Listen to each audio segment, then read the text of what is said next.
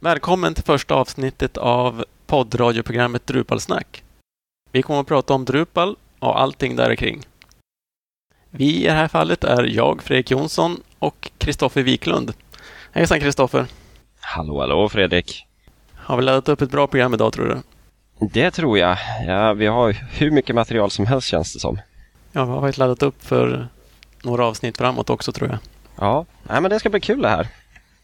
Eh, vill börja säga att min inspiration för att dra igång det här och jag frågade Kristoffer om han ville hänga på. Han tyckte också att det var kul. Det var om ni kanske har hört en annan poddradioprogram som heter kodsnack.se. Det är tre killar som pratar om ehm, allting som har med kodning, både på datorer och för mobilt och mycket iOS och sånt. Och de pratar en hel del om eh, sci-fi och sci-fi-böcker dessutom. De intressena brukar ibland överlappa en del. Ja, det är lite lustigt. Eh, jag hade inte lyssnat på Kodsnack eh, tidigare, men jag hade lyssnat på en eh, IT-säkerhetspodcast som hette Security Now. Och de går igenom också massor med sådana sci-fi böcker och sånt. Så det är lite kul att det är som kommer igen. Ja, kodsnack.se rekommenderar jag. Helt klart inspirerande. Jag vet inte hur det är med dig Kristoffer, men jag tycker att så mycket i Drupal-världen är ju på engelska. Man har podcast, man läser artiklar, allting är på engelska, så det känns som man är väldigt van vid det. Men när man sitter ner och lyssnar på den här kodsnack.se på svenska så är det mer avslappnande faktiskt. Jo, men det, det tycker jag det är. Och att det är så här, ja men det blir mer hemtrevligt då. Ska vi ta och börja med att berätta lite mer om vilka vi är? Ja, men det tycker jag vi kan göra. Ska du börja? Ja. Kristoffer Wiklund heter jag. Jag har ju eh, så slängts in i Drupal. Eftersom utvecklare här på Mamie. Det är här nu i ett och ett halvt år så jag sitter här nu på kontoret just nu så att har ni lite bakgrundssnack så är det mina kollegor som pratar här på lunchen. Ja, för ett år sedan så då eh, när jag började här så då eh, vi gjorde som ett strategiskt val webbyrån. De var mest grafiker och ville ha en eh, plattform att jobba emot och jag kom från en .NET-miljö men ville jobba mer med webb och ha en POP-bakgrund så att kollade runt lite grann och vi hamnade som på Drupal och sen som enda backend-programmerare så har man ju fått ge sig in på ganska mycket saker då, och lära sig Drupal men eh, var det, var det intressant. Man eh, har ju en bakgrund att man har gjort sitt eget CMS-system i POP och sen eh, inser man ju hur komplicerat det kan bli så att därför var det väldigt trevligt att se eh, Drupal. Hur det har eh, lagt upp smarta saker för vi eh, jag och en kompis som då utvecklar CMS-systemet började då fundera med det här med dynamiska fält som eh, finns just med Fields. Att man har gamla CCK och den biten. Att det var folk som redan har gjort det hela. Och sen eh, blev det ju som så att då började man ju engagera sig i communityn och jag drog igång eh, eh, Drupal Norr som är en sån eh, lokalgrupp för Norrland här i Sverige. Och eh, ja, det är ju inte jättemycket folk men vi träffas eh, en gång i kvartalet och pratar eh, Drupal. Eller Drupal som vissa säger, eller Drupal om man ska gå på engelska för att eh, det går att säga Drupal på olika sätt. Säga som han Linus säger om hur man ska uttala Linux får uttala det hur man vill, bara man använder det. ja, jag tycker det låter bra. I övrigt om mig, jag är, så här, jag är ju en datanörd. Sitter mycket vid datorn och tycker om att koda och lösa problem. Så att eh, ja, jag känner av lite grann som man har hört tidigare att man, man kommer för koden, man stannar för communityt. Det känns verkligen så att det är lätt att komma in och lära känna folk i Drupal. Och, eh, det är inte så stor tröskel att kunna bidra med kod eller bidra med det ena och andra. Det finns en issue och alla är trevliga. Så att, eh, ja, men det var väldigt kul. Mm. Du fick in en snygg fix på, liten men snygg fix på eh, Drush. Ja, det, det, var väldigt kul att få in den. Det gick väldigt fort. Men det var ju översättningen där mm. när man ska synka databaser. Och det, vi som inte är helt engelsktalande, då måste man ibland läsa krångliga meningar två och då tyckte jag det där kan vi skriva om på bättre engelska. Just den där meningen har jag faktiskt eh, irriterat mig på i, i några år tror jag. Jag vet inte varför jag inte fått tummen ur och skickat in en patch själv. Ja. Eh, för de som inte vet kan jag säga det är när man kör en Drush SQL Sync så hade den en eh, lite mysko-formulering när den talade om vilken databas som skulle skriva över vilken. Så, du sa också, precis som jag, att man fick läsa den där två, tre gånger ibland, speciellt om man var lite trött, så att man Ska jag svara ja eller ska jag svara nej här? Ja. Men, eh, ja. Eh, det kommer ju säkert komma mer information vem jag är och mm. ja, det är ju bara att skicka frågor. Vi har ju en hemsida här nu, det kanske vi också ska säga. Fast det är ju så de har hittat den också, men eh, drupalsnack.se är inte svårare än så och eh, kontaktuppgifter för oss finns ju där och det finns ett kontaktformulär där vi gärna tar emot frågor. Jag satte precis upp ett Twitterkonto också, Drupalsnack. Då måste vi ju twittra nu och säga att vi ja. kör vår första eh, podcast just nu så att de kan följa med ja. våra... Vi har två följare ju. Nej, en följare. Det är jag tror jag. Ja, men då ska du veta att vi är igång just nu. Jag kan säga också att innan jag börjar presentera mig att vi spelar in det här fredag den 7 december. Jag heter som sagt Fredrik Jonsson. Jag arbetar som eh, frilans utvecklare och har gjort så sedan 2006. Så det kommer lite olika bakgrunder där. Kristoffer, det är kul. Mm. Vi har hållit på eh, med Drupal rätt länge. Jag hittade Drupal 2003 när jag skulle hitta något nytt system för min dåvarande blogg.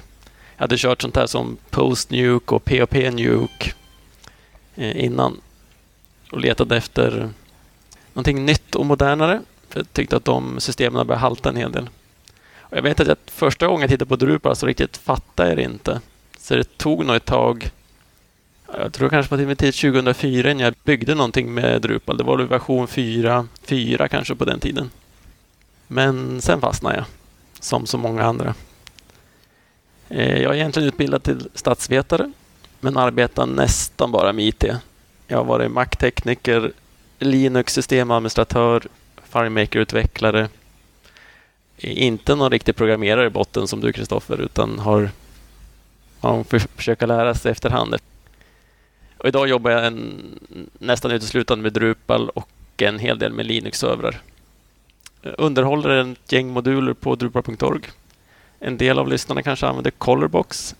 Yes, nyligen så gick den igenom och har nu 100 000 installationer. Du, det är bra. Är den 35 mest använda modulen på Drupal. Det är jag hyfsat nöjd med. Ja. Det är kul. Och det, det som är kul är att det finns ju andra moduler som gör samma sak som din modul. Men på något sätt så har du, eller så här, din modul har varit så enkel och fungerar. Och nyligen har jag tagit över eh, ett par moduler som har med Markdown att göra. Väldans eh, fantast av Markdown. Det kommer jag säkert få återkomma till i programmet. Jag gillar inte Visivig och föredrar Markdown. Mm. Jag brukar kämpa med kunderna om det. Jag förklara för dem att de har fel. Ja, men jag tror nog med responsiv webb då kommer vi komma dit. Eftersom eh, Visivig eh, fungerar jättekast på eh, responsiva sidor. Helst om användaren försöker, eller han gör en tabell med sitt innehåll och sen ska du få den responsiv och fungera i telefon, då eh, funkar det inte alls. Det där med responsiv design tycker jag överhuvudtaget man försökt få styra in kunderna på att göra bra val. Men just med den här sidan, det är väl för att det är så många som sitter med sina iPhones och sina Android-telefoner själva på tunnelbanan och på bussen och in, de som verkligen förstår problemet. Ja. De försöker själv läsa hemsidor och det är helt hopplöst. Ja. Man, när vi kommer då förklara att det är så här man ska göra, då blir de bra att läsa på, mm, på din telefon.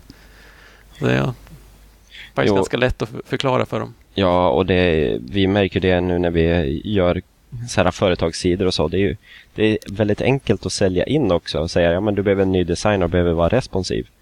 Därför att den ska fungera i mobiltelefoner. Och det, det har aldrig varit någon som ifrågasätter det hela. För att, ja, som sagt, det är så många som upplever, eller använder telefoner och surfplatta själv så att de behöver ju det då. Alla webbar vi gör numera är, är mer eller mindre responsiv. Drupalsnack.se är naturligtvis responsiv. Ja. Jag kan passa på att nämna att vi har en snygg logga. Och ja. Eh, fick hjälp av Claes Boman på Stockholm Connection som slängde ihop eh, loggan åt oss. Tack Claes! Ja, det ska vi göra en länk i shownoten så att det får bra med PageRank från Google. Ja, precis. Eh, alla länkar och allting vi pratar om ska vi försöka lägga upp i show notes för varje avsnitt. Ja. Så att ni lätt kan hitta alla länkar och sånt, inte behöver försöka skriva ner dem. Eh, vår hemsida är väldigt enkel, men vi har snygg logga som sagt. Eh, Jag kommer att tänka på det när du höll din presentation om dig. Jag glömde ju berätta lite mer om vad, så moduler som jag har varit involverad i också. Ja. Eh, under hösten har jag jobbat ganska mycket med commerce. Som eh, det tar tag att vänja sig och det kanske inte är den bästa modulen men det är den som finns för webbshoppar. Och eh, efter ett tag när man har jobbat med den så då börjar man inse att man kan ju lösa mm, mer eller mindre allting. Men i den vevan så var det en kund som skulle ha eh, Commerce Klarna integration. Och eh, den modulen fanns eh, men de sökte Co-maintainer och när jag började testade modulen, hitta lite småbuggar och lite förbättringar och sånt. Så mm, det slutade med att jag blev co-maintainer själv också. Så att det var ganska kul att kunna få börja skriva och eh, sådär, committa kod till ett projekt. Det är första modulen som jag eh, jobbar med som är publik. Har du börjat få lite erfarenhet av commerce? Ja, jag följer den eh, ganska hårt och den är ju i väldigt stor såhär, utveckling. Eh, Commerce Guys gör ju ganska mycket och just Commerce Kickstart får ju en stor, eh, såhär, det kommer ju många nya bra funktioner där.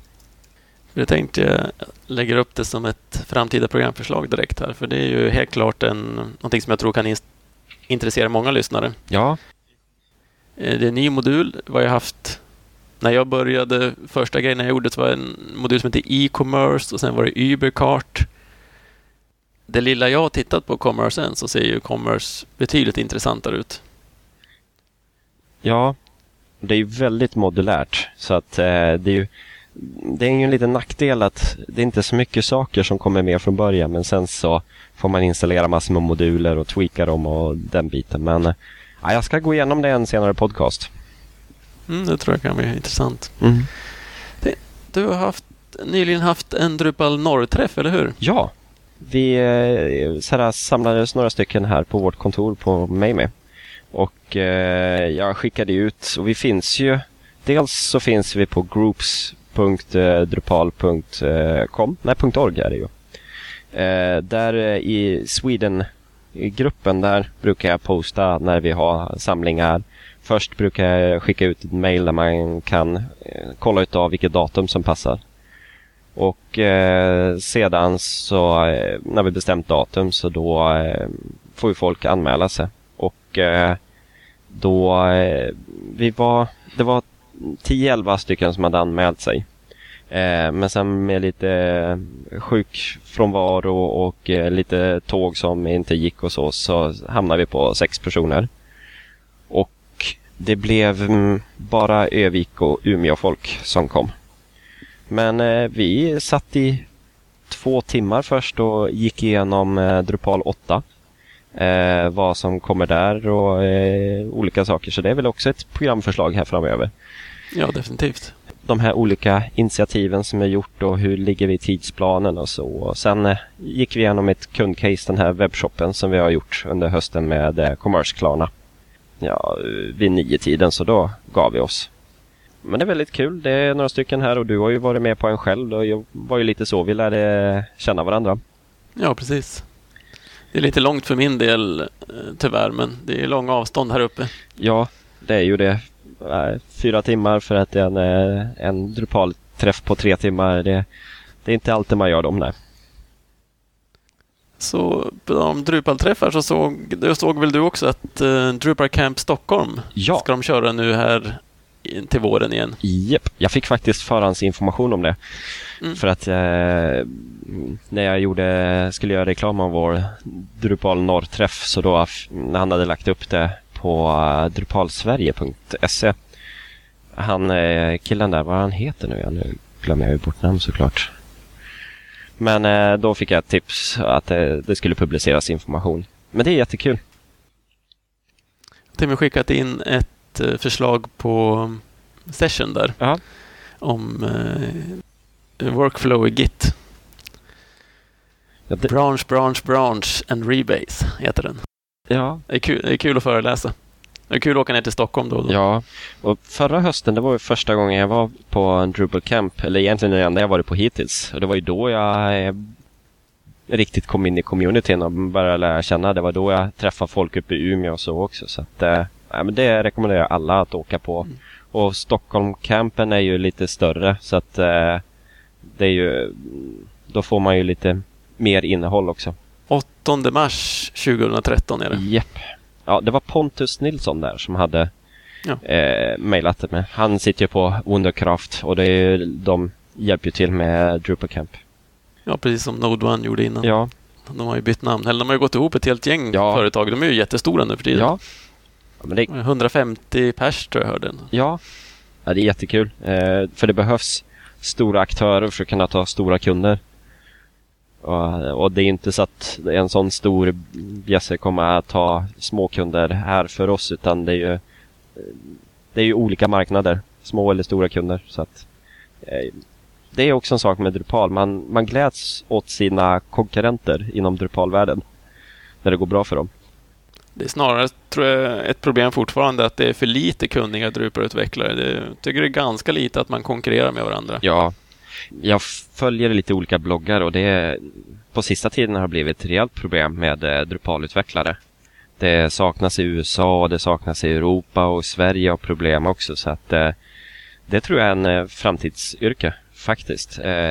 Att jobba med, med Drupal. För har du lärt dig Drupal så mm, om det blir något större efter Drupal så har du alltid bra kunskap i, med dig i ryggsäcken och så. Jag känner verkligen att jag satsade på rätt häst. Jag har ju lyckats jobba med någonting jättekul i ett gäng år Ja, tack vare Drupal. Och så tycker jag det är kul med jag jobbar med ett uh, öppen källkodsystem att eh, jag får bra betalt av, av mina kunder. Men all kod jag skriver kan vem som helst använda. ja. Människorättsorganisationer i hela världen eller hundklubben eller ja, vem som helst kan dra nytta av den här koden och eh, kunna bygga väldigt bra moderna webbplatser. Ja. Plus att vi kan försörja oss på det. Ja, Det är ingen dålig kombination. nej jag tycker det är väldigt bra. Vi i Mejmi har ju haft eh, Läkare Utan Gränser som kund. Ja. Och det är också så här jättekul kund att jobba med. Och, eh, men ibland kan det vara lite jobbigt när man går igenom deras content och man läser om alla katastrofer i, i hela världen och så ska man fixa ordning sajt så att de kan komma i kontakt. Men då känns man att då jobbar man med en bra kund. Ska vi ta och gå över till vår huvudpunkt för vår första avsnitt? Det tycker jag kan göra. Vi tänkte ju att eh, de säger när man skriver bloggar och sånt där, ska man ha någonting som drar folk så ska man köra topp 10-listor. Ja. Så det måste vi också göra i vårt första avsnitt. Tänkte jag. Ja, Och vad gör man i Drupal i topp 10 av? Man kör naturligtvis moduler. Så att, eh, har du förberett din lista, Kristoffer? Ja, jag satt här innan. Och sen eh, började jag skriva ihop och sen så ja men vi ska vi se vilka ska jag ha. Och sen till slut kommer man, ja men jag har ju mer än tio som jag tycker de här är riktigt bra, nu måste jag börja sålla. Och sen så börjar man inse att men, den här är ju bra men jag har redan tio som är mycket bättre. Så att vi får nog ta en till sen, en sån här omgång senare. Jag tänkte man skulle kunna ta en, bara en utvecklarmoduler, sådana som man inte använder för att bygga webbplatser direkt, utan sådana man använder för, ja, som Devel och Ja, sådana grejer. Det finns en hel rad moduler som är väldigt bra att ha när man utvecklar. ja. Men eh, ska jag ta alla mina tio eller ska vi ta varannan? Eh, kör dina tio du. Då ska vi se, jag tar dem ifrån bäst till, eh, till sämre. Nej men den eh, bästa modulen eh, som jag gillar absolut mest det är ju views. För att kunna lista data. Det är ju, den är så användbar och vi, man använder den på alla sajter. Och man, den är kraftfull och man, ja, det är ju att lista data i olika konstellationer. Så istället för att sitta och skriva SQL-frågor hit och dit så har man ett peka och klicka interface. Eh, där man kan göra exakt samma saker. Så att eh, den tycker jag är grymt bra. Ja, Views är väl en av de moduler som gör Drupal unikt. Så är det ju. Ja, Det är väl därför också som det, Views kommer att byggas in i Drupal 8. ja, nej det är jättekul. Och just att alla, eh, just med att det ska komma in i kärnan, att alla interna listningar utav, ja men det är allt från användarrättigheter till eh, innehåll och sånt ska ju eh, använda views då. För då kan man skriva över dem. Det tycker jag är väldigt smart sak. För det är, det är någonting som Commerce använder. De använder ju views väldigt mycket. Mm. Och vill man modda det då, kan man, då är det bara göra en egen vy eller en, lägga till lite fält och så. så sen min eh, andra eh, topp två där då, då eh, Display Suit. Det tog ett tag innan jag hittade den. Men sen nu när jag har hittat den och använder den så eh, den, den löser många problem eh, och kan göra saker väldigt smidigt. Det, är ju, det den gör, det är ju att en nod, eh, där har du ju dina olika fält och du kan ju under Manage Display så kan du dra och släppa dem i vilken ordning de ska hamna. Men om du ska ha flera kolumner eller något sånt är eh, default eh, Drupal lite svår utan då ska du antingen skriva egna templatefiler eller gå över till panels. Och templatefiler fungerar inte, eh, inte alltid i vår miljö här då vi inte jobbar så mycket med kod på det sättet. Så att där fyller då DisplaySuit för då kan du sätta upp att en nod ska vara tvåkolumnig eh, med en header och en footer och så kan du dra bilder dit och ha texten på ena sidan och andra sidan. Så att den använder jag väldigt mycket. Har du testat någonting Fredrik? Ja, jag har använt den en del på på en del andra projekt, några projekt där de väljer Panels Fans och då kör man kanske Panelizer. Ja. För och en annat sätt att lösa samma problem kan man säga. Just att kunna eh, fördela ut eh, fält och information på en nod i flera olika kolumner och så. Mm. Men Displays ut fungerar ju definitivt utmärkt. Ja. Det är också ett enkelt sätt att göra många view modes för en, eh, för en nod. Ja. Och det går ju att kombinera då med views, att den visar det hela så att ja, de eh, används en hel del. Sen eh, trean här nu då, det är ju admin menu, eller administration menu heter den väl. Den är ju eh, väldigt bra när man just administrerar sidan. För den eh, toolbar som följer med eh, Drupal 7, den fungerar men den, eh, den ger ju... Har man installerat admin menu och använder den då eh, inser man hur mycket bättre den är för man kan komma ner i hierarkin på ett helt annat sätt. Med hjälp För oss av... utvecklare i alla fall är ju admin menu otroligt mycket bättre. Ja, Så mycket snabbare. Jep. Så att eh, det är bara att installera den och köra den. Den, den har inga egentligen inställningar som man behöver bry sig om. Sen C-Tools. Den eh, är ju en sån typ biblioteks eh, eller API-modul som man egentligen sällan använder Eh, så mycket. Men den har en modul som heter Page Manager. Och den, den är ganska kraftfull för att kunna göra sådana här eh, specialsidor. Eh, ofta så kombinerar man den här med panels.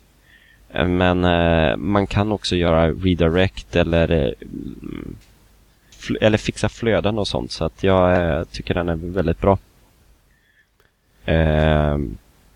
Och sen då helt enkelt nästa modul är ju då panels. Eh, Innan du går dit, jag kan säga att C-Tools också har ju för utvecklare en lång rad väldigt bra API som man kan utnyttja. ja, det har den ju. Så att man ska klart värt att titta igenom den och se vad man kan... Istället för att uppfinna hjulet själv i sina moduler så kan man...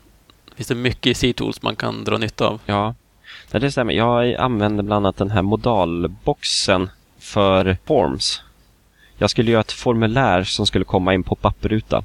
Mm. Och Colorbox har ju död, men det har ju tagit bort lite grann utav det här för mig.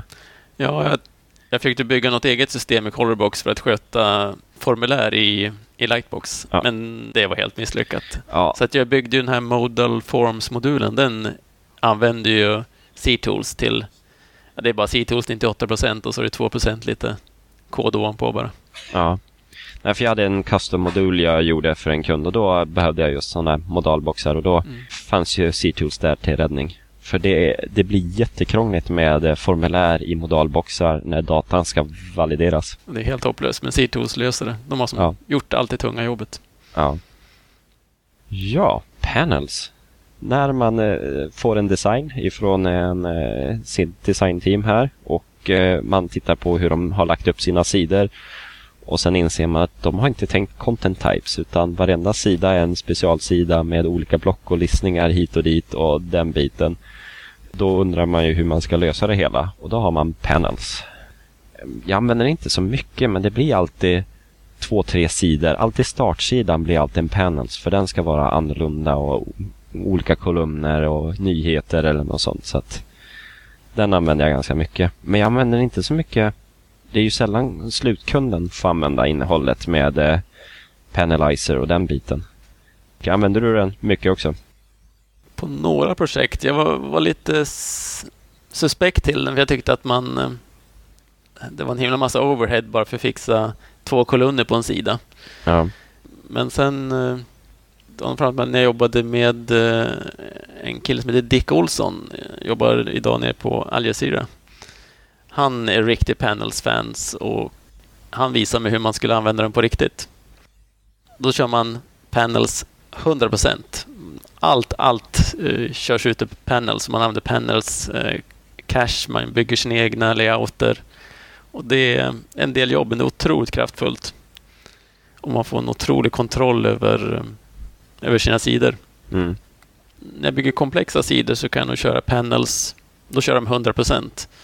Är det bara en eller två sidor som behöver två kolumner någonting, då lutar nog ofta åt att göra någon custom-grej nere i temat. Mm. Ja, det den också har panels det är just när man eh, du kan skicka med värden till eh, typ en vy. Om du säger att den här, eh, jag visar en nod och sen ska jag ha en vy som baseras med datan från den här nodens ena fält eller något sånt. Eh, man kan ju ibland lösa det med contextual filter på vyn men med panels kan du få ett kan du lösa det också ganska enkelt. Med de här sammanhang. Otroligt kraftfullt. Ja. Det tar lite tid att sätta sig in i det. Eh, Jag kan ju tipsa om Johan Falk. eh, Som, om man går in på Node Ones hemsida, jag tror att den finns kvar fast de har döpt om sig. Men Johan Falk gjorde ju en långa radder med mycket bra screencasts. Där, bland annat kan, där man kan lära sig panels och views och de här. Det är, jag tittar på en del av dem själv. De är väldigt bra bas för att lära sig. Ja, vi har anställt lite nytt folk här på mig med och det är ju det är Johan Falks videos som de får titta igenom. Han hade ju en universitetskurs också. Fyra veckor med Drupal, eller four weeks with Drupal. Och då la han ju ut varje dags undervisning. Det är ju eller bara tio minuter ifrån den dagens undervisning.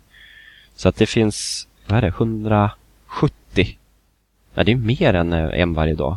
Men det finns 170 klipp som han har lagt ut eh, i allt inom Drupal eh, 7. Så att eh, han har gjort mycket för Drupal. Otroligt mycket. Johan är eh, fantastiskt produktiv. Och det är kvalitet på grejerna. Ja, det är det. Lite synd att han eh, har eh, lagt ut av nu och fokuserat bara på lärarjobbet eh, och inte så mycket på Drupal. Blir fysiklärare om jag minns rätt. Ja, Det behövs bra sådana också. ja. Ja, men som sagt, panels, eh, där kan man behöva lite utbildning för att förstå hur det hänger ihop och använder. Men sen så kan man göra mycket när man har lärt sig den. Sen nästa modul som jag... eh, Den glömmer man gärna bort. Men den är väldigt behövlig i många fall. Det är e-mail, heter den bara. Och det är ju det att i, eh, i Drupal 7 så finns det inget fält för att hantera e-mail. Eh, default. Så att då finns det ett projekt som heter eh, E-mail Field, heter det men eh, maskinnamnet är ju e-mail. Så att det lägger till så att du kan ha ett, eh, ett e-mail eller ett e-postfält. Eh, och sköter validering så att det är riktiga e-postadresser och den biten. Så en liten enkel modul men det skulle vara jobbigt att behöva göra den själv. Det kan vara rätt viktigt att, att folk verkligen skriver in riktiga e-postadresser. Glömmer bort eh, domänen eller alltså, det kan vara svårt att rätta till efterhand om man faktiskt behöver kontakta folk. Ja. Och sen är det ju det att eh, det finns ju då extra moduler som kan hjälpa till med att spam-skydda e-mailadresser.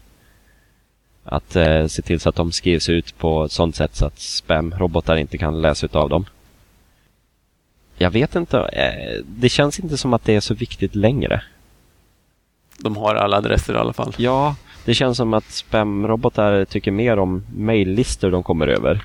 Mm. För publicerade e-mailadresser, de är oftast redan, de har redan spamskydd i, i mailprogrammet. Sen, modul som jag använt väldigt mycket, det är eh, Path Auto. Som hjälper till att göra snygga URLer. Ehm, eftersom vi som webbyrå säljer eh, sidor till företag och säger att ni kommer hamna högt på Google. Men för att hamna högt på Google måste du ha en bra struktur på dina URLer så att Google tycker att det här är ju precis vad användaren söker efter. Så då kan Path Auto hjälpa till. Den, eh, har, man kan sätta upp regler över hur URLen ska byggas upp. Är det från kategorin som den tillhör med nodens titel och några tags och lite sånt. Eller datum och så. så att den, den ingår i mitt standardkit. Den är alltid med. Den är otroligt populär. Jag kollade just på, på Drupal.org och det är den femte mest installerade modulen. Ja. Jag såg till och med en, en, en ticket att få in Path Auto i Drupal 8. Jaha.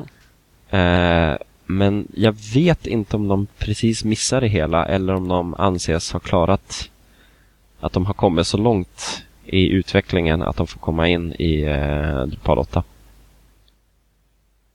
Jag kan nästan förstå att de får... För dels är den ju som sagt otroligt populär. Och den har ju sett ganska lika ut ett tag nu. Alltså den, den är nog ganska...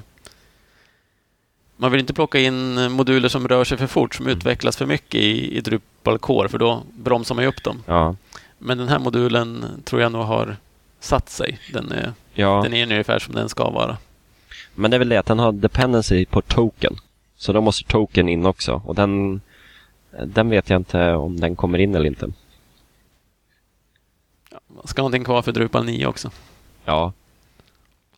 Angående det, jag tittade på eh, Git eh, repositoryt för eh, Drupal. Jag testade åttan här lite grann. Ja. Och då såg jag att det fanns en tagg för nian också.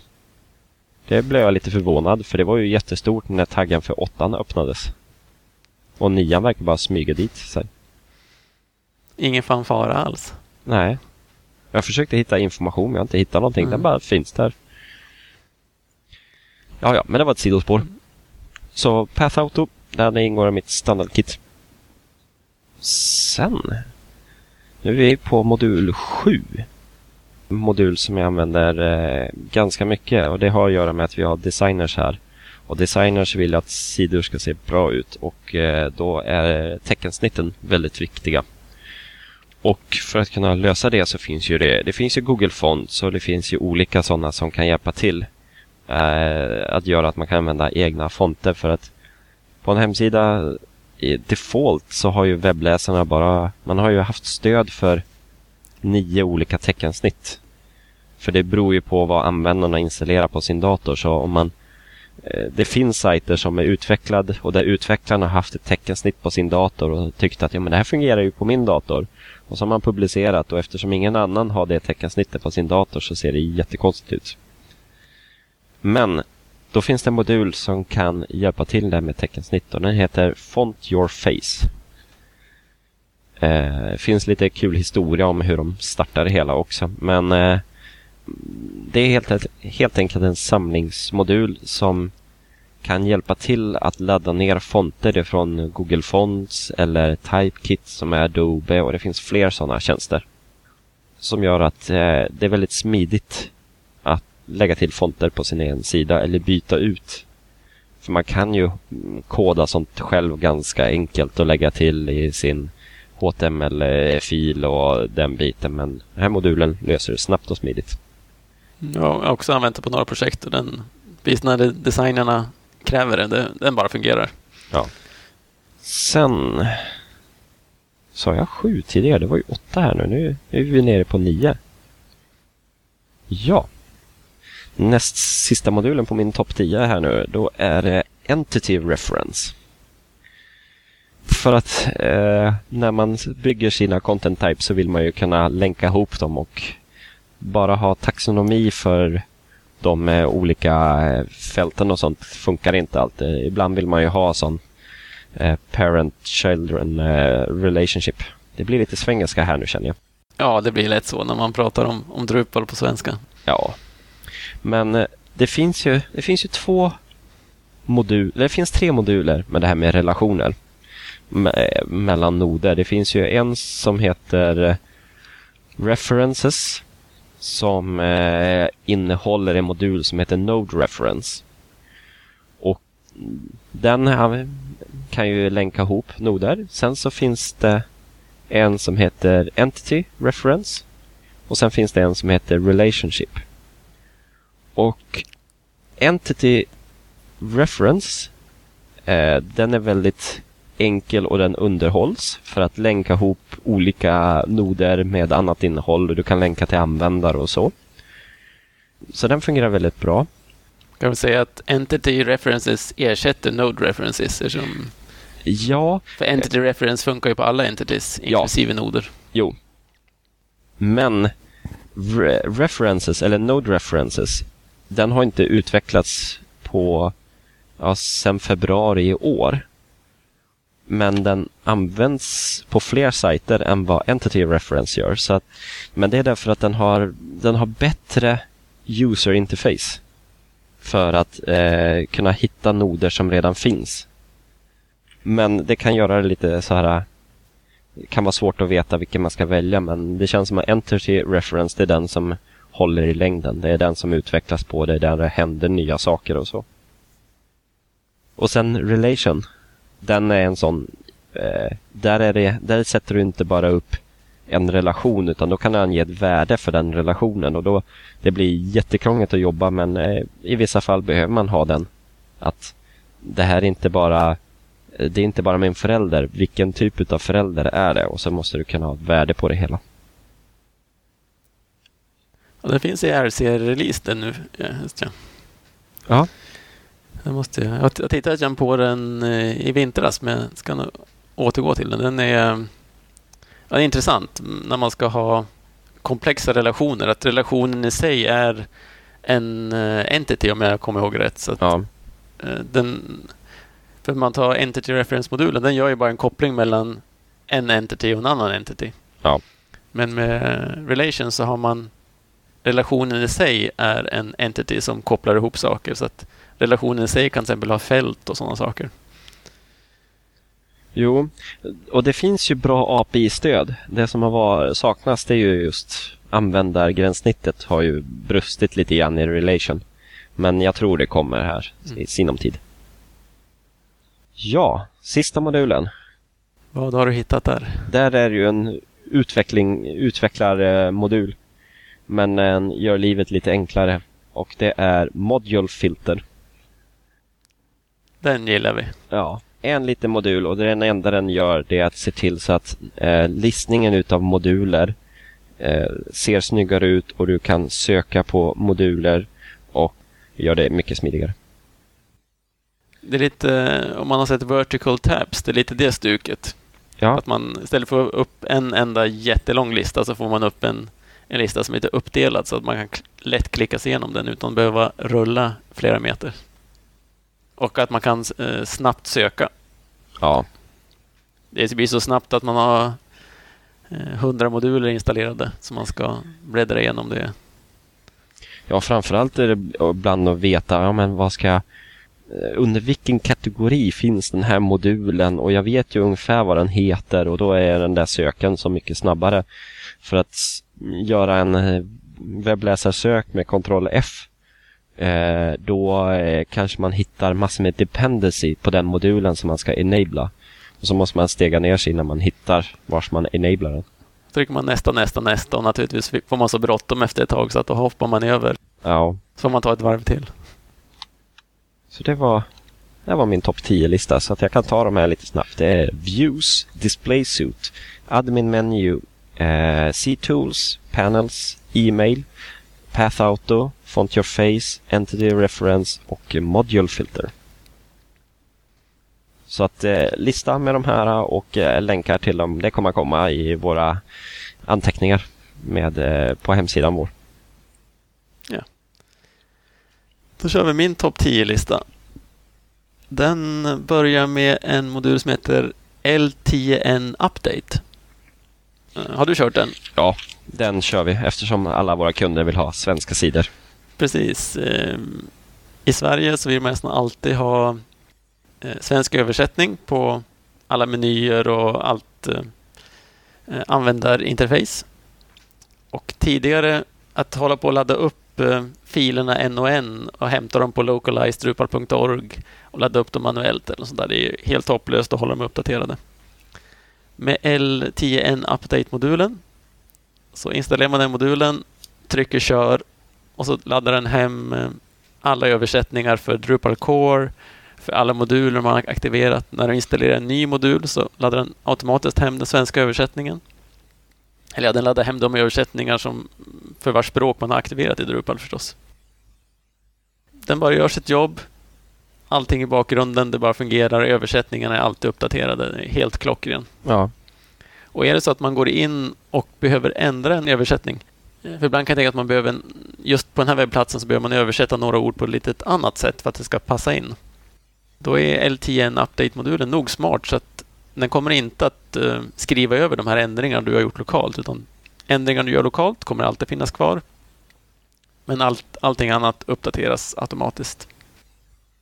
Modul nummer två om LTN Update är en ganska enkel modul så här kommer en ganska komplicerad och stor modul som heter Search API. Ja, den är... Ta, ta, ta tid innan man lär sig den. Det gör det, men eh, ju mer jag använder den desto mer kraftfull tycker jag att den är. Search APIs styrkor består i två delar. Eh, dels så kan du bygga upp sökindex om du har en standard Drupal-webbplats, då har man har sökningen och den fungerar okej, okay, men den söker ju på allting. Man har som en enda sökning på hela webbplatsen. Med Search API så kan du bygga upp index för olika delar av webbplatsen. Du kan ha ett index och en sökning då kanske för mm, ditt forum. Du kan ha en för alla dina produkter. Eh, du kan ha en för, eh, för bloggen. Och man kan styra index helt. Man bestämmer exakt vilka fält som ska indexeras, hur det ska indexeras. Eh, otroligt kraftfullt. Och en modul som fungerar väldigt bra. Som förval så följer det med en databasbackend så att eh, alla sökindex läggs i Drupals vanliga databas, precis som Drupals egen sökning. Men här kommer andra styrkan in. Det är att ehm, Eh, backenden är helt pluggable. Så att man kan till exempel väldigt enkelt eh, stoppa in eh, Search API Solar.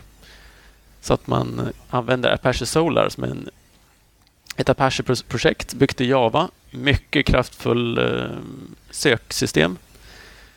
Så kan man använda det som backend och får väldigt bra prestanda och jag tror man kan också kan... Um, finns backends för MongoDB om jag inte... Sån här NoSQL backend. Okay, ja. man kan skriva, skriva egna grejer förstås. Och Search API har dessutom väldigt bra stöd för uh, i views. Ja. Så att du kan, man kan bygga, bygga ett index och så kan man då stoppa in det till exempel då i en Apache Solar backend för väldigt bra prestanda. Vyn bygger du sen som en Search API-vy så att vyn kommer hämta direkt från indexet som ligger i Solar. Behöver man riktigt bra prestanda på sina listningar så är det här en mycket bra väg att gå. En väldigt flexibel väg. Och som sagt, det är en komplex modul som det tar ett tag att riktigt sätta sig in i och förstå hur den funkar. Men så nu vi håller på att bygga ett system som har en halv miljon noder tror jag ungefär. Det växer ganska snabbt. Och då kör vi just Search API och eh, Apache Solar Backend. Ja. Eh, har du kört den också någonting? Jo då. Commerce Kickstart använder den. Ja. Eh, och jag har börjat titta lite grann så att jag har implementerat det hela och just när man kommer över att views kan lista dens innehåll och du kan göra sådana exponerade sökfilter för det hela då är man ju hemma. Då kan man ju använda den eh, och då börjar man inse hur bra den är. Det finns naturligtvis begränsningar. att man, Vyerna man bygger upp kan inte bli lika komplexa om man gör en Search API-vy som man gör en, en vanlig vy. Man har inte tillgång till riktigt all samma information och sånt. Men eh, fördelarna ofta överväger. Ja. Klart värt att kolla in. Ja, just att kunna såhär, välja precis vad som ska indexera. Istället för att det ska komma en sån ruta att användaren kan välja själv och det ska vara default. att eh, För jag tycker standardsöken eller de andra customer search, de når inte riktigt fram dit. Så att, eh. Den vanliga sökningen, Drupal Core-sökningen, ersätter jag eh, på lite större webbplatser alltid med Apache Solar. Ja. Men det är så drop-in-lösning, så får man en enda stor sökning med en Apache Solar backend. Men behöver man lite mer komplex sökning och gärna sökning då som är olika delar av webbplatsen, då är Search API den jag använder oftast bara vanlig databasmotor eh, i bakgrunden. Mm. Sällan, jag har inte installerat Solar än, men jag har tittat på det. Men eh, sajterna jag haft har inte riktigt behövt det. Nej, men, eh, behöver man inte för prestanda, då är det, då är det lika bra att använda databas-backenden. Ja. Man ska ju bara komplicera saker när man behöver. Eh, tredje modulen är en jätteliten modul. Entity View Mode. Kör man Display Suit som eh, du kör, då har man ingen användning av Entity View Mode. För att där i Display Suit kan man ju enkelt göra nya View Modes för en nod. Den här modulen, det är den enda den gör, det är att du du kan i gränssnittet i webbgränssnittet direkt göra nya view modes. För annars i Drupal core så har du ju bara default, teaser och RSS om jag minns rätt. Är det, finns, det, finns det någon till? Finns det? Ja, det finns ju Search Result här för mig. Det finns. Search Result finns också. Ja. Men eh, jag använder view mode väldigt mycket. Ofta vill bygga speciella view modes för eh, för att presentera noder på olika sätt på olika ställen på webbplatsen. Och Det går ju att göra de här i kod i sina egna custom-moduler. Men eh, ofta är det lättare att göra direkt i webbgränssnittet och så exporterar man ut det som en, eh, i en feature. Och, då, och Vill man då inte använda display suit eller man inte har den av någon orsak, då är Entity View Mode en mycket lightweight modul som fixar att man enkelt kan göra nya view modes. Men använder du den mycket då i kombination med views? Ja, För att lista? Precis. Ja. Nej, för det är, det är ett sånt koncept som är ganska nytt för mig. Jag har inte riktigt kommit dit. För oftast har det blivit att jag bygger upp mina vyer med fälten var för sig. Och då blir det som svårt att presentera dem på ett nytt sätt senare. För då måste man kopiera sina fältinställningar. Ja, precis. Det, eh, det är nog den största orsaken just att eh, då var man tvungen innan då att bygga upp sina vyer med fält.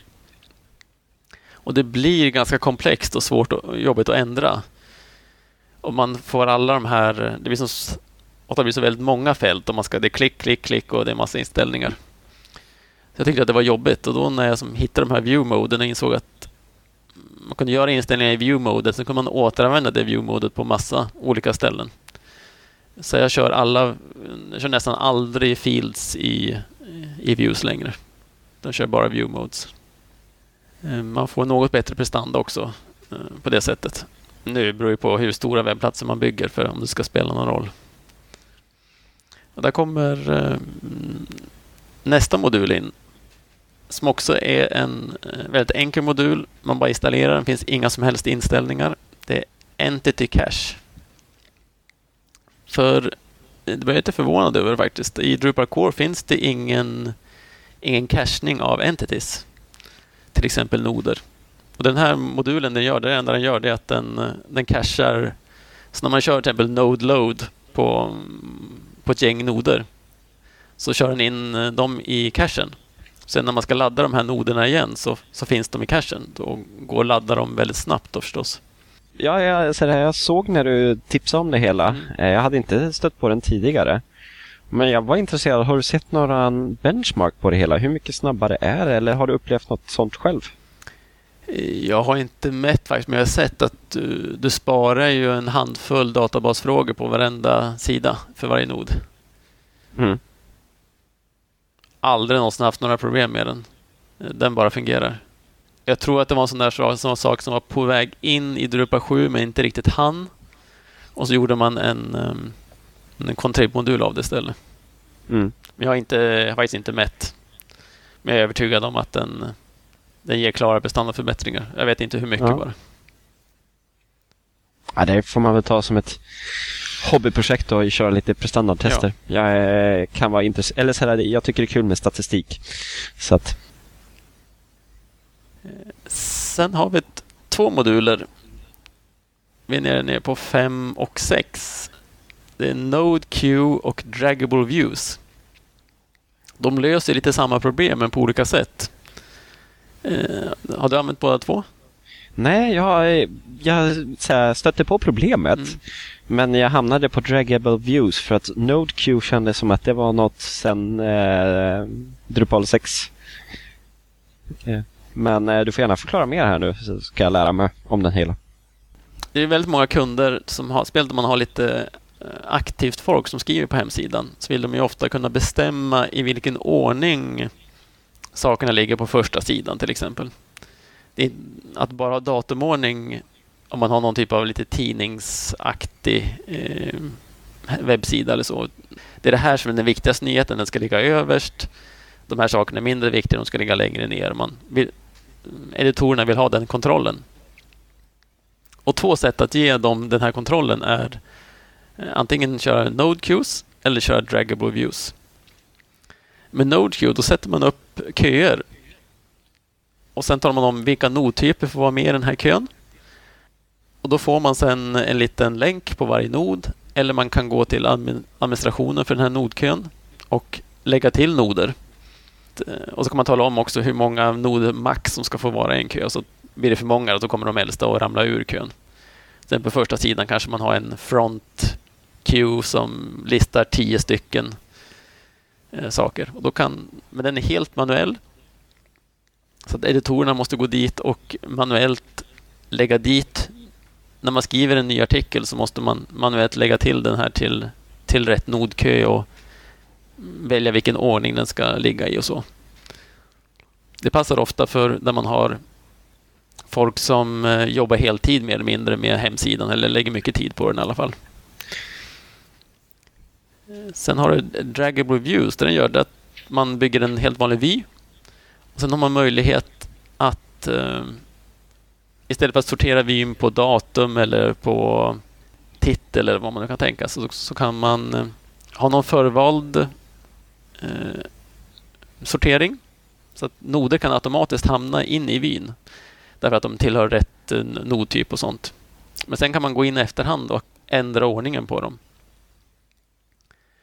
Så det man kan säga är att i, i så här draggable views, där sorterar du en, en hel lista. Typ, eller all, alla blogginlägg eller alla nyheter. Medan i NodeQ då har man möjlighet att begränsa och lägga till och ta bort saker. Ja, precis. Så att NodeQ är mer helt manuell och Draggable Views är som halvautomatiskt kan man säga. Mm. Så de fyller, eh, fyller behov båda två. Jag tycker man ibland eh, använder man det ena och ibland använder man det andra. Ja. Eh, det som är lite lustigt det är att jag har löst NodeQ-problemet. Det här med att eh, jag hade användare som de vill ha såhär, bestämma vilka nyheter, fyra nyheter som skulle visas i bannern. Och jag gjorde ju med att ja, men de som var flaggade för banner, bild och eh, datum, då hamnade de först.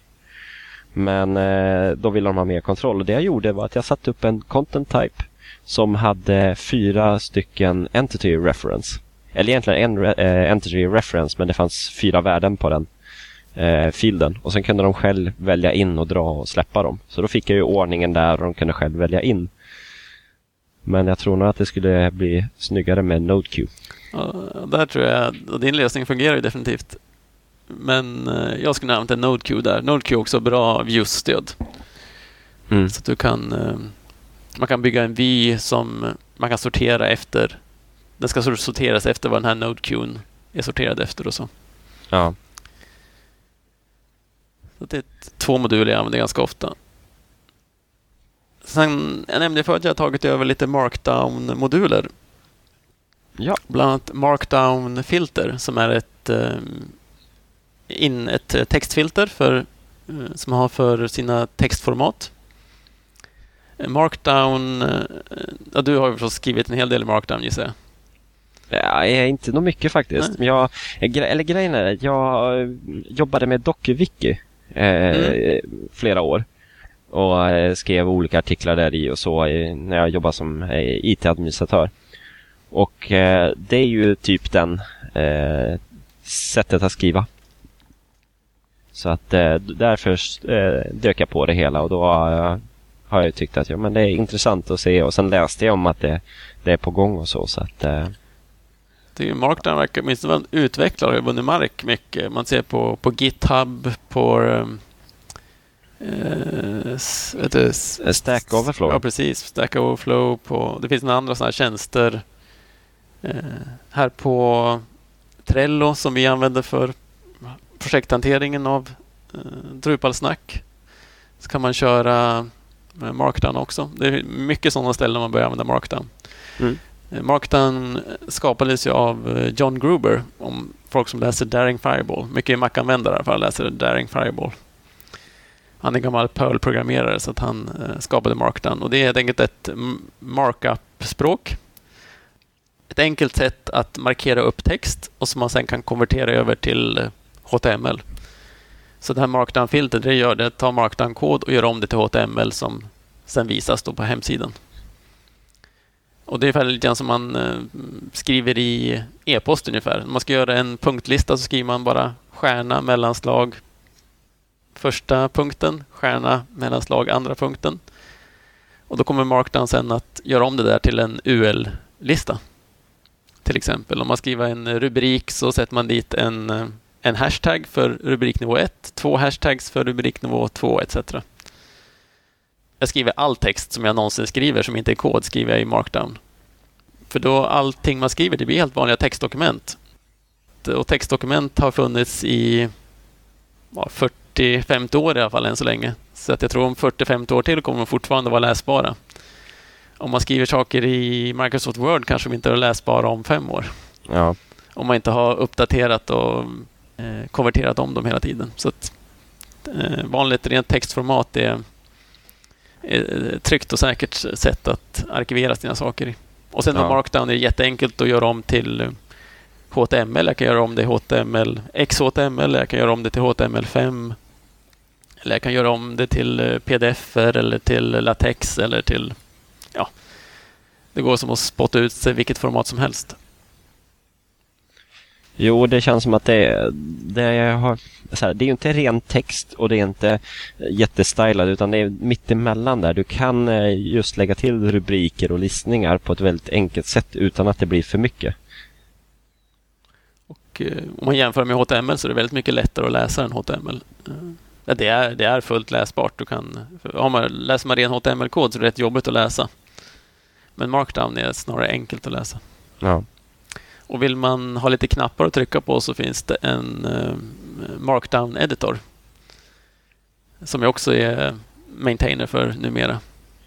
Så att man får lite snygga knappar att trycka på i, i Drupal så att man inte behöver komma ihåg eh, den här markupen ens. ja. Så den rekommenderar jag att kolla in. Och som sagt, på, i, på iPhones och, och Android-telefoner och iPads och grejer så fungerar de här visualisatorerna ofta inte så väldigt bra. Men Markdown funkar överallt. Nummer åtta. Det är ett annat eh, inmatningsfilter. Typography. Det den gör är att den fixar till eh, till att citattecken, för ofta när man skriver citattecken så blir det tumtecken man egentligen skriver. Den här översätter dem till riktiga typografiska citattecken. Och eh, en rad andra sådana typografiska korrigeringar av texten. Mm. Den ser till exempel så att eh, när man på en ny rad så blir det inte ett ensamt ord utan då gör den om radbrytningen lite grann. Och lite andra sådana små grejer så att man får en bara snyggare typografi. Eh, Den installerar jag också alltid. Men det känns som att den, Den kan nog, eh, om man har en VC-vygg så kan den nog tycka det är ganska jobbigt att hantera vad en ny rad och sånt. För en VC-vygg vet man ju inte alltid vad den skriver ut. Men med Markline så ser jag att den kan ju fungera hur bra som helst då. Mm. Ja, det är möjligen att den med eh, typ typography måste man nästan, ska vi säga, jag tror att man alltid kör den sist i listan på de filter man har. Ja, jag var inte osäker på hur bra den funkar med, eh, med VisiVig. Jag använder nästan aldrig det. Mm. Men jag skulle tro att det kan funka okej. Nummer nio. Då är vi nere på en modul som heter Transliteration. Ja, den är bra. Den är bra. Den fixar, det jag använder för den allra mest, det är ju att den om användarna laddar upp filer med OAÖ och mellanslag och sådana saker. Det är inte alls ovanligt. Bilder och liknande. Man kan försöka undervisa dem att du ska använda bara Eh, små tecken, A till Z, 0 till 9. Inte några mellanslag utan köra underscore istället, och, eller understruket streck. Men eh, det är jobbigt och varför ska användarna börja bekymra sig om sånt? Det Transliteration kan göra det är att den eh, kan automatisera det här. Alltså att den tvättar upp alla filnamn. Till exempel, den här kan translitterera eh, vad som helst mellan massa olika språk. Men det jag använder det till det är ju för mest ta bort alla mellanslag i filnamn och sätta dit understruket streck, ta bort alla Å och sätta dit A och O och sånt istället. Ja, den är ju väldigt smart där att den vet att man säger att det är svenska och då är Å, Ö blir A, A, O. Mm. Så att, eh, Den tvättar upp och den är också man installerar den och sen kan man glömma bort den. Ja. Och så behöver man inte få några problem med sökvägar och sådana saker. ja. Nej, jag använder den ganska mycket till det, att se till så att eh, Mm. Path Auto eh, Mm. har använder transliteration så att Ja, precis. sökvägarna blir rätt. Det funkar ju med OAÖ i adressraden också, men eh, speciellt om man har en lite internationell sida och sånt så kan det bli rätt bökigt. Det är Ja, svårt, svårt för en amerikan att skriva Ö. ja. Eh, Sista modulen, Mollom. Han måste vara Sagan om ringen-fan tror jag. Han, det är ju ett projekt från, eh, från Dries själv, grundaren av Drupal. Han och en annan kille startade Mollom som är, handlar om att bekämpa spam.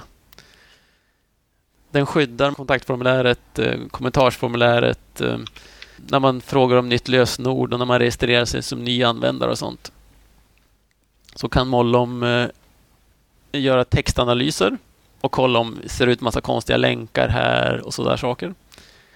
Och verkar det misstänkt så får, måste man svara på en captcha. Det är det jag gillar, att alla behöver inte svara på captcha utan bara de som eh, ser misstänksamma ut. Och den är väldigt duktig på att, eh, att fånga spammare.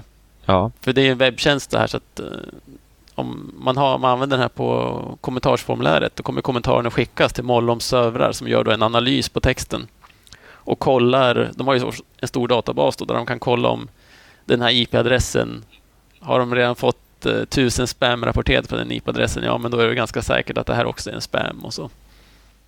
Och sen, eh, och är det då misstänkt, då, då måste man svara på en captcha. Eller också bara kastar man bort eh, eh kommentaren. ja. Eh, fungerar eh, väldigt bra och för små webbplatser är det gratis. Ja. Nej, jag tycker det är väldigt intressant eh, betal, eller så här, ja, betalmodell så att du, du betalar för när du kommer över 100 eh, accepterade inlägg per dag, då ska du börja betala. Mm. Så det spelar ingen roll hur mycket spam du får. Och det tycker jag är ganska schysst att då kan man ju lägga in det hela och testa det hela och de, de har ju mer material att träna sig på då också. Jag ser i min logg bara på min egen eh, blogg att det är jag vet inte hur många spamkommentarer som stoppas varje dag. Ja. Hur mycket som helst. Jag har en sajt här eh, där det ligger över 600 spam på en dag. Det är egentligen så, det går från, från 100 till 300 men sen vissa dagar har det spikat upp till 600. Och det är så här, det är vad Molom stoppar. Mm. Och Det finns en massa andra, vis captcha och recaptcha moduler och sånt. Mm, Det jag inte gillar med dem är att då måste alla svara på en captcha. Och Det tycker jag det är oschysst mot användarna, mot de vanliga, riktiga användarna som ska posta en kommentar. Ja.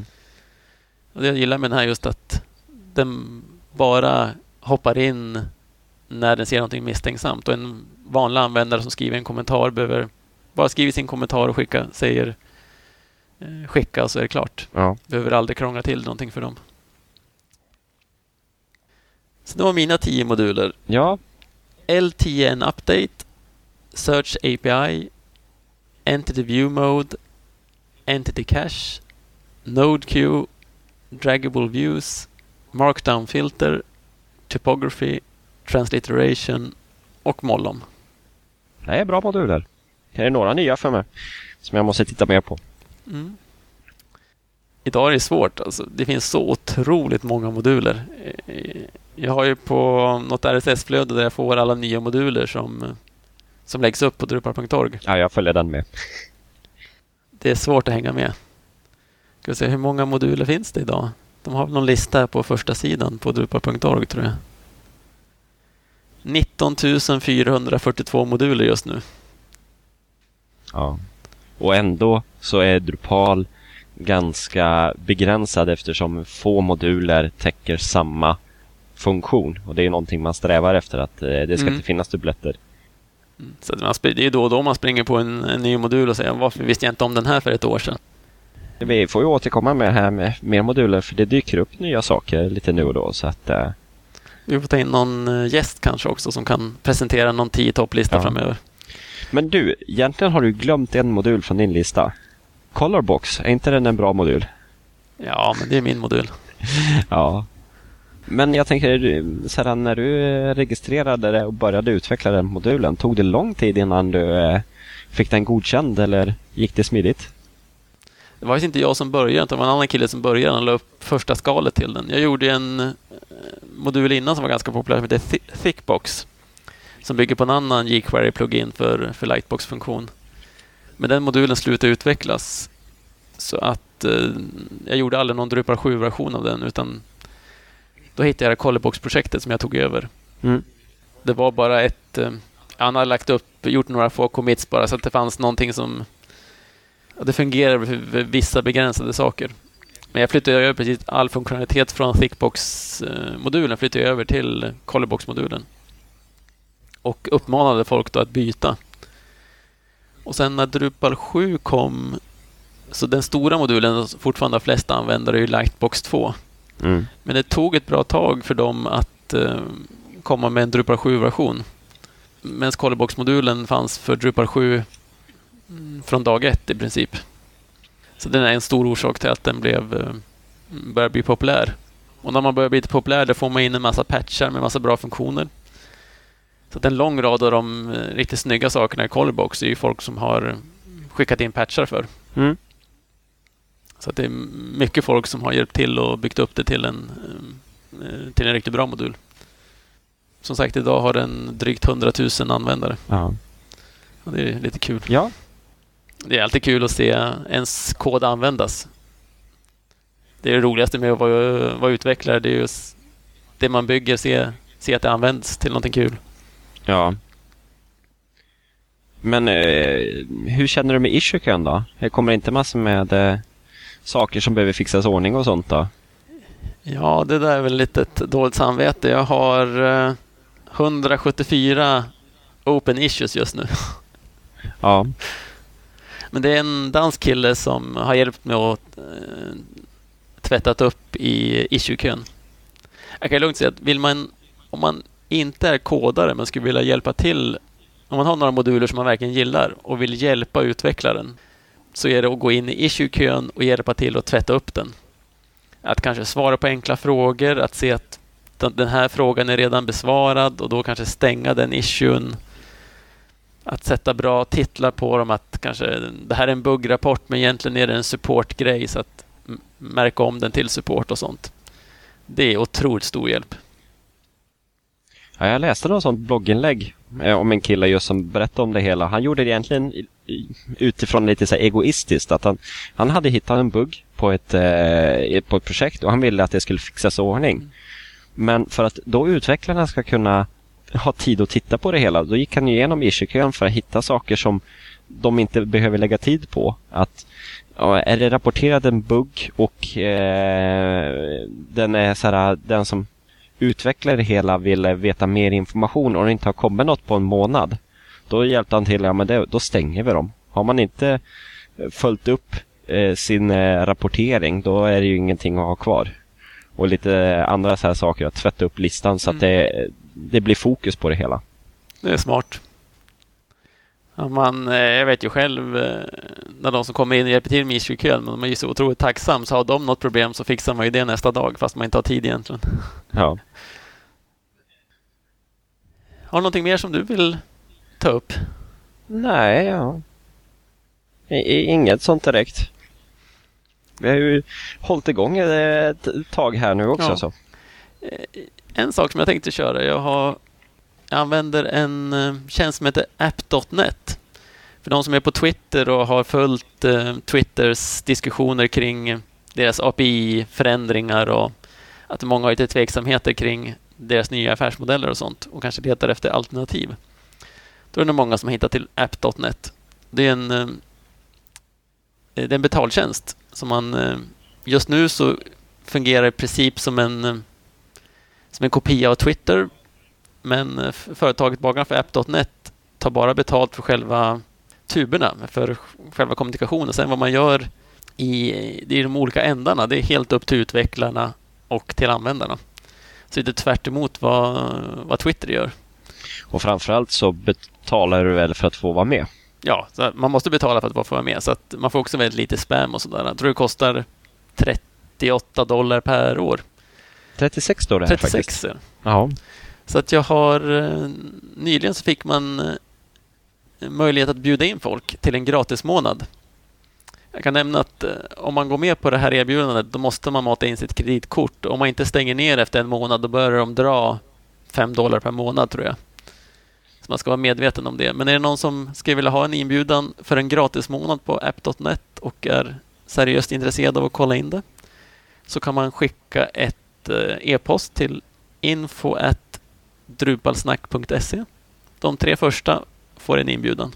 Eh, jag har faktiskt inte själv, så jag kanske ska skicka ett mejl då. Men, men är det mycket, händer det mycket där inne? Det är nästan bara utvecklare där. Ja. Eh, så det är vår typ av folk som är där. Mm, det finns en del eh, Drupal-folk också. Mm. Och jag tror mer kanske kan de vara någonstans... För ett tag sedan såg jag att de hade varit mer än 20 000 eh, användare. Och jag skulle tro kanske upp på 30 000 nu eller någonting. Men eftersom det bara är utvecklare, tror du det redan finns en 15-20 eh, iPhone-appar för app.net och det finns väl en, åtminstone en handfull för Android och någon för, eh, för Windows Phone också säkert. Och en rad olika eh, webbtjänster som bygger kring app.net. Så än så länge så är det ett uppbyggnadsskede och man försöker fundera ut vad man kan använda tjänsten till. Och de vill helt medvetet inte växa för fort för att skulle de få en miljon användare så skulle de få jätteprestandaproblem och så. Så att de vill nog växa i ganska lagom takt. Jag vet inte om det här kommer bli eh, verkligen alternativet till Twitter, men eh, jag tror ju att folk som verkligen är intresserade av att använda Twitter på det sätt man gjorde förr i tiden, att verkligen kommunicera och inte bara för att följa kändisar och se vad de gör. Mm. Eh, jag tror ju att de är sakta men säkert på väg bort från Twitter. Och det är en väldigt liten del av Twitters användare, så det är bara några få procent av Twitters användare som faktiskt skriver någonting på Twitter. Ja, det kan jag tänka mig. Så Twitter bekymras nog inte om att de försvinner. Nej. Ja, det är sådär... Det är så vi har ju stött på problem med att just ja, men Twitter har ju ändrat om i sitt API och sen är det då utvecklare som känner att nej, men jag vill inte gå med. Eller så här, de har vissa program är för stora för att eh, Twitter ska tillåta dem och så lägger de ner och då måste man hitta nya program och allt sånt. Att det, ja, men de har, det är lite så problem kring det hela. Jag såg nu någon Windows Phone-klient eh, för Twitter som blev, tydligen var riktigt bra och blev jättepopulär. De fick eh, lägga ner dem för att de... Är man ny Twitter-klient får man bara ha max 100 000 användare. Och de slog i taket direkt. Och då har ju Twitter någon sån här eh, klausul som säger att ja, man kan ju diskutera med dem då. Man kanske kan komma fram till någon lösning. Mm. Men det betyder i praktiken bara att Twitter sa nej. Så att eh, de, de ju inte fortsätta. De var ju tvungna att stänga av programmet. Ja. Därför att eh, Twitter planerar ju kanske att någon gång i framtiden göra en Windows Phone-klient själva och då för de vill ju ha kontroll över alla klienter, så att, för de vill ju kunna visa annonser för folk. Och är en massa tredjepartsklienter då har de ingen kontroll över annonseringen där. Ja. Så då kan de inte tjäna några pengar, så de vill ju inte ha några tredjepartsklienter av naturlig orsak. Ja, men det är intressant att se vad som händer med de olika tjänsterna och så. Är ni är det någon som är intresserad så kan skicka in en e-post som sagt så får ni en av tre inbjudningar. Ja. Och överlag eh, så här, tar vi gärna emot mejl för allt annat också. Vad ni vill att vi ska prata om eller om ni har några bra tips på det ena och andra eller sajter som eh, ni vill eh, visa upp och vad ni har gjort och så. Det tar vi gärna emot. Vi, ju, vi vill ju vara för Drupal-communityt här. Och du Kristoffer hade en kul idé om att du hade hört det på någon annan podcast att man hade hela avsnitt där man bara svarade på lyssnarnas frågor. Ja, man hade lite eh, eh informationer från början men sen så hade man ju eh, frågestund och det är helt enkelt eh, de hade två syften med det hela. Det ena var ju det att kunna ge något mervärde till de som lyssnar. Men sen var det ju också att kunna få veta på vilken nivå användarna var. Så att eh, vi ska fundera och fila lite grann på det hela men att kunna ha en frågestund där, att kunna lösa era problem i sändning. Skicka in era frågor. Så, Ja, skicka in era frågor. Om ni... så kör vi. Ja. Vi båda två har utvecklat ganska mycket Drupal-sajter här nu så att eh, vi ska nog kunna lösa det ena eller i alla fall komma på olika alternativ till det hela. Så funderar vi på att ta in lite folk och intervjua också. Till exempel Johan Falk har jag satt upp som ett intervjuoffer. Jag har Ja, inte tillfrågat honom än, men det borde gå att lösa. det tror jag nog. Och eh, det ska vara kul att ta, prata med någon eh, för eh, Drupal Camp Stockholm också där inför. Ja. Skulle man kunna intervjua så att. Absolut. Eh, En sak till. En tredje programledare.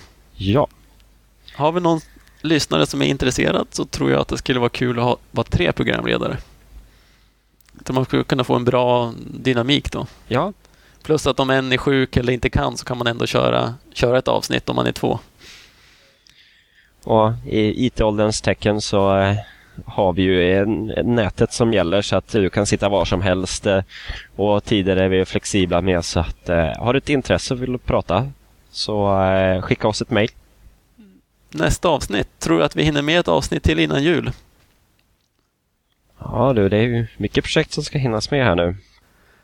Det kanske eventuellt kan hinnas med ett till, men annars så blir det väl lite uppehåll Ja, tills alla andra tar uppehåll också. Ja. De har ju det här avsnittet att lyssna på. sen vet man ju inte det kanske mellandagarna eller något sånt. Man eh, behöver få vila ifrån familjen när man har haft allt firande. Ska vi tacka för det här avsnittet? Ja, men jag får tacka för idag. Mm, detsamma, så syns vi till nästa avsnitt. Ja, men vi gör det.